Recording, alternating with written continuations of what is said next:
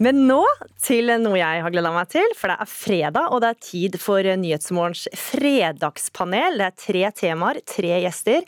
Velkommen, velkommen, velkommen til Mahmoud Farahmand, påtroppende stortingsrepresentant for Høyre. Alexandra Arketti Stølen, festivalsjef for Oslo World Festival. Og Tone Hansen, museumsdirektør ved Henny Onsdag kunstsenter. Vi skal rett og slett gå rett på, og vi starter med politikernes valgvaker.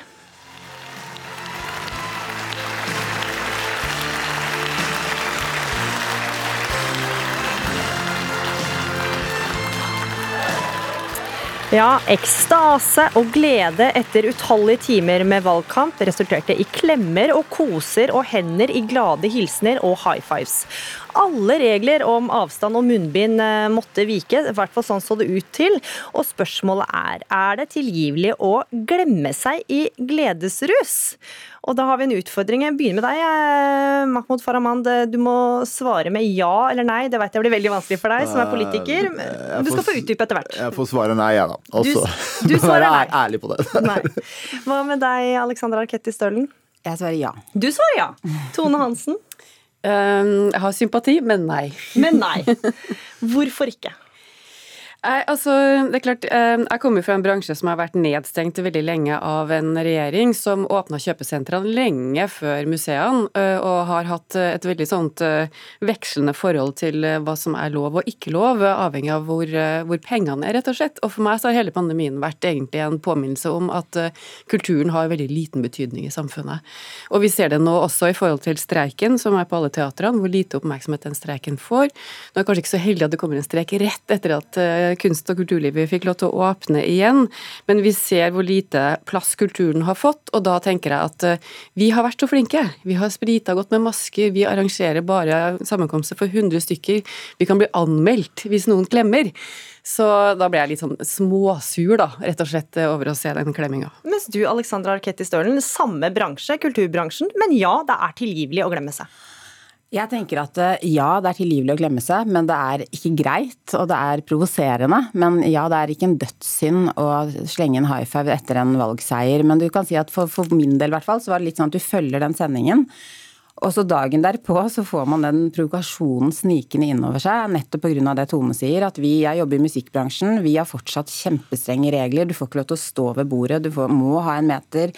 Eh, du har 40 mennesker du kan ha inne på et utested som Blå, som vanligvis tar 400. Eh, og det gjelder ennå. Jeg hørte Camilla Stoltenberg tidligere i dag som sier at ja, men eh, det er litt andre regler som gjelder for, for vaksinerte. Det gjelder ikke i vår bransje. Så jeg tenker at det er tilgivelig. Det er ingen dødssynd å glede seg. Det er heller ingen dødssynd å være ekstatisk over en valgseier. Men det er provoserende og ugreit at politikere har på en måte andre regler enn oss. og Det har vi jo også sett det siste halvåret. At eh, det er greit å feire seksårsdagen sin. Det er greit, og det liksom feies litt under teppet. Så eh, jeg tenker at ja, det er tilgivelig. Eh, og ja, det er sterkt provoserende. Mahmoud Farahmand, her kunne jo du tatt til orde for dine politikerkollegaer, men så lojal er du ikke. Du sier nei. nei det, er, det, handler vel eh, Jeg er vel mest opptatt av å være lojal overfor de retningslinjer som er gitt av de politikerne. Eksempelets makt eh, er helt avgjørende her. Og jeg, har, altså jeg er kulturpolitiker i Vestfold Telemark, og har, det, det, som nevnes her, har jeg jo sett på nært hold. Altså, vi har hatt konsertlokaler som har slitt i, konsertarrangører som har slitt i, teaterne har slitt i. Jeg skal på teater selv i kveld, og da er det begrensninger på antallet som har kommet dit. Så da skjønner jeg jo det. Og så må jeg legge til, jeg var jo på valgvake selv. Og der var det ikke så mye high fives, var det det da? Nei, det var ikke det. Jeg klemte min mor, min søster og min kone. De er som mennesker jeg omgås Men du hadde ikke like mye å juble for? Nei, det hadde jeg ikke. Nei. Men det, det, poenget mitt var noe annet. Poenget mitt er at når vi prøver å holde avstand, vi politikere, så kommer dine journalistkolleger og presser oss sammen. Så det er vår feil, egentlig? Nei, det er ikke deres feil. Er, vi har et selvstendig ansvar som voksne mennesker. Men det blir også litt sånn at når man først har brytt én barriere, så bryter man en annen, og til slutt står man og klemmer hverandre og er kjempeglad. Men det, det, jeg er nok mest opptatt av eksemplets makt her, altså. altså ja. ja, eksemplets makt, altså. Og nå til neste tema, for her går det fort i Fredagspanelet. Vi skal eh, fra ekstase til oppgitthet. Iallfall ble kunstneren Odd Nerdrum oppgitt etter å ha fått tommel ned fra høstutstillinga. Det fem ganger tre meter store maleriet 'Tre menn i en båt' viser nettopp tre godt voksne menn som sitter nakne på rekke og rad i en robåt. Kunstneren Vebjørn Sand kaller det en skam at bildet ikke ble antatt. Odd Nerdrum selv forklarer det slik. De korruptive kreftene er enormt sterke, og det går jo veldig stort sett på at når du er en spesiell mennesketype, så velger du mennesker som minner om deg selv.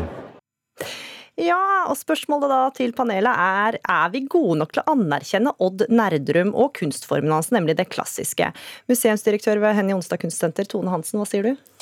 Altså, Vi kan ikke bare si at han er en klassisk maler. Det er veldig mye som er klassisk, uten at uh, og han går inn i en sånn kategori. Så det klassiske får masse oppmerksomhet, men Odd Nerdrum kan få mer. Så hva er svaret ditt? Er han, blir han anerkjent nok? Uh, nei. Nei. Hva med deg, Alexandra Arketti Stølen? Jeg sier ja. jeg, jeg er litt på linje med Tone, men jeg sier ja, altså. Mm. Ja, hvorfor sier du ja, Alexandra Arketti Stølen? Eh, ja, i møte med Henny Onsdags eh, direktør, så, så, er jeg litt på tynn is her. Men jeg må i hvert fall si at jeg syns at han, han, eh, han, får nok oppmerksomhet. Han skaper veldig mye oppmerksomhet rundt seg, og til og med nå, når han, han anklager juryen for å, for å, være konspiratorisk, så tenker jeg at juryen har Jeg stoler jo på det, at de, har, de har, mener at dette bildet ikke er bra nok kvalitet. Han har utstilt bilder på Høstutstillingen 13 ganger. Og da tenker jeg kanskje man heller skal bruke, eh, bruke oppmerksomhet på kunstnere som ikke eh, får så mye oppmerksomhet. F.eks. Eh, Synnøve Persen, den samiske kunstneren, som stiller ut for første gang og er 71 år, eller Nicole Rafiki, og veldig mange andre som kan få mye mer oppmerksomhet. Så jeg tenker at kanskje det er heller at eh, Jeg, jeg syns han, han, skaper i hvert fall veldig mye oppmerksomhet. Han er veldig god på selvpromotering. Det er han, men det, vi er også veldig med på å gi han mye medieoppmerksomhet. Faraman? Eh, jeg, jeg, må si at jeg er på veldig tynn is. Jeg må ta leksehjelp for å komme meg gjennom kunst og håndverk i Iran. Det, det, det, så, ikke veldig god på kunst, med andre ord. Men, men, jeg er liksom der uh, At klassisk kunst får nok oppmerksomhet, det, opplever jeg. At Odd Nerdrum ikke får det, det får være hans opplevelse. Men jeg ser jo nå, vi bruker masse tid på den i dag. I går kveld var det masse tid på Dagsnytt 18, så oppmerksomhet får han jo. Og, og spørsmålet, er om, uh, altså spørsmålet er om han er tilfreds eller ikke, men, men samfunnet får jo hørt om Odd Nerdrum. Mm, men er det et problem at han ikke får mer støtte fra staten, Tone Hansen? Nei, her handler det ikke om penger det hele tatt. Og han er jo, han er jo et PR-geni, og han har jo skjønt noen mekanismer som virker hos dere, da. Så han får all den oppmerksomheten eh, han vil ha, fordi han tar den. Og der har jo kanskje vi i kunstfeltet litt å lære, rett og slett, i forhold til hvordan vi spisser saker og kommer oss på. Innkall til pressekonferanse fordi... og fortell om neste utstilling du skal ha! Ja, men det gjør vi hele tiden. Ja. Kommer ikke hvis ikke vi lager en konflikt. fordi vi trenger konflikt for å komme i media, og det mm. klarer jo han å gjøre. Så derfor så tenker jeg at han er rett og slett aller best som performancekunstner. Odd Nerdrum er en eh, skikkelig god performancekunstner. Han skjønner hvordan media virker, og han bruker dere til det han trenger de for, for å få markedsført seg sjøl. Mm. Så sånn sett så syns jeg han klarer det ganske bra. Og så har ikke jeg sett dette maleriet, jeg har bare sett det på bildet. Og et maleri kan jo, et foto kan jo ljuge som bare det, i forhold til hvor bra eller dårlig et maleri er. Men jeg syns det er ganske rørende portrett av litt sånn surrealistisk med tre nakne menn i en båt. Eh, hvor de skal, hva som skjer. Det er veldig ulike kropper. Jeg tenker, ja, ja, det, er, det, er, fint å se det. Om det, det, har jo ingenting å gjøre på Høstutstillingen. For du sier helt riktig, han har vært med 13 ganger. Høstutstillingen er et debutsted, ikke et sted for Kanskje et sted på Henny Onsdag, da? Ja, kanskje det. Jeg skal tenke på det. Jeg tar det med meg. ja. Så til siste tema, eh, nemlig selskapet mange av oss har på ørene når vi går på tur eller er i butikken, nemlig podkast. Jeg bare lurer på Hva er det du hører på? Eh, Harmo Hegseth. du, Jeg hørte på Politisk kvarter, for jeg eh, har vært og trent, så jeg har eh, sånn tilbakeblikk på den siste timen. Hører på en podkast. Ja, Hva slags podkast da? Eh, det er om motivasjon og ja, selvutvikling. Ja. Men podkastmangfoldet det er ikke godt nok. Det hørte vi tidligere denne uka. For mange podkaster er nemlig laga av hvite menn for hvite menn.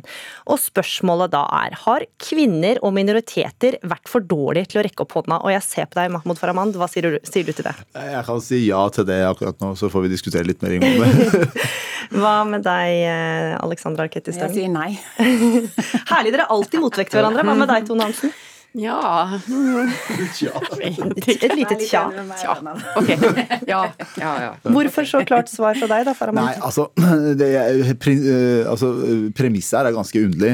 For fordi hvite menn lager podkast, så, så passer det ikke for andre. Og det, det syns jeg er litt, litt, rart. Altså, stort sett alt jeg hører på, er, jeg bryr meg ikke om hudfargen, det er en stemme jeg hører, og innholdet i budskapet. Men det er også et selvstendig ansvar for kvinner og minoriteter å melde seg på og lage sine egne podkast. Og lage kvalitetsmessig gode podkast podkast som jeg og andre har lyst til å høre på. Jeg hører på lydbøker stort sett, så jeg er kanskje ikke målgruppa. Men det, det premisset er ganske interessant, altså. For vi legger opp en premiss om at hvis det er hvite menn eller kvinner som har laga det, så er det kun hvite menn eller kvinner som vil lytte til det. Mm. Ja, altså jeg tenker at veldig mange av de podkastene jeg hører på også, er laget av f.eks. Joakim Førsund, en hvit mann som er en klok mann. Og det som, hvite flagget. Ja, ja, som ja. appellerer mm. til meg. ikke mm. sant? Og han er en hvit mann som appellerer til meg. Eh, så, så, så jeg tror ikke hvite menn lager podkast for hvite menn, bare. Men ja, jeg tenker at det, det, problemet vi snakker om, om å rekke opp hånda, jeg tror problemet er et struktur, strukturelt problem, er mye høyere opp i systemene. At vi har ikke, eh, vi har ikke muligheten til å rekke opp hånda, for vi kommer ikke inn i de rommene hvor det blir mulig. Så jeg tenker at det handler om et større diskrimineringsproblem i de store mediehusene, hvor man kanskje gjentar de samme stemmene. Og hvis man på en måte tenker at podkast-media er ganske nytt, eh, så er det jo bra at denne debatten kommer veldig tidlig. fordi gir du da, skaper du, har du de samme stemmene som skal fortelle de samme historiene, så får man jo et veldig flatt verdensbilde. Og det at jeg, hvordan jeg ville fortalt om mine opplevelser i Libanon, vil være veldig annerledes enn en libaneser. Så jeg tenker at man må ha eh, bredere tilfang. Eh, men jeg tror ikke det er eh, kvinner og minoriteters mangel på å rekke opp hånda som er problemet. Jeg tror det er et større strukturelt problem. Mm. Er du enig i det, Tone Hansen? Ja, det er det sikkert. Jeg sitter og tenker på liksom, da jeg gikk på da jeg studerte, og alle disse professorene som snakka, og de kunne liksom snakke uten manus i timevis, og de var menn. De var så gode på performance, rett og slett. Kanskje vi har noe å lære der, liksom. Og bare Å lære om nerder ja, litt, mer sånn, litt mer sånn brystkassa frem ja. og ta plass, liksom. Jeg hører ikke så veldig mye på podkast, annet enn når folk snakker sammen. Det er jo menn og kvinner. Men det er klart at uh, kvinner Vi har lært å høre på menn også. Vi hører på menn og kvinner. Uh, kvinner gjør det. Mm. Eh, fordi vi har ikke hatt noe valg, og vi har forbilder i alle rekker, kanskje nå er jeg generaliserende, mer enn menn, fordi de kan være mer eksklusivt orientert mot menn, da.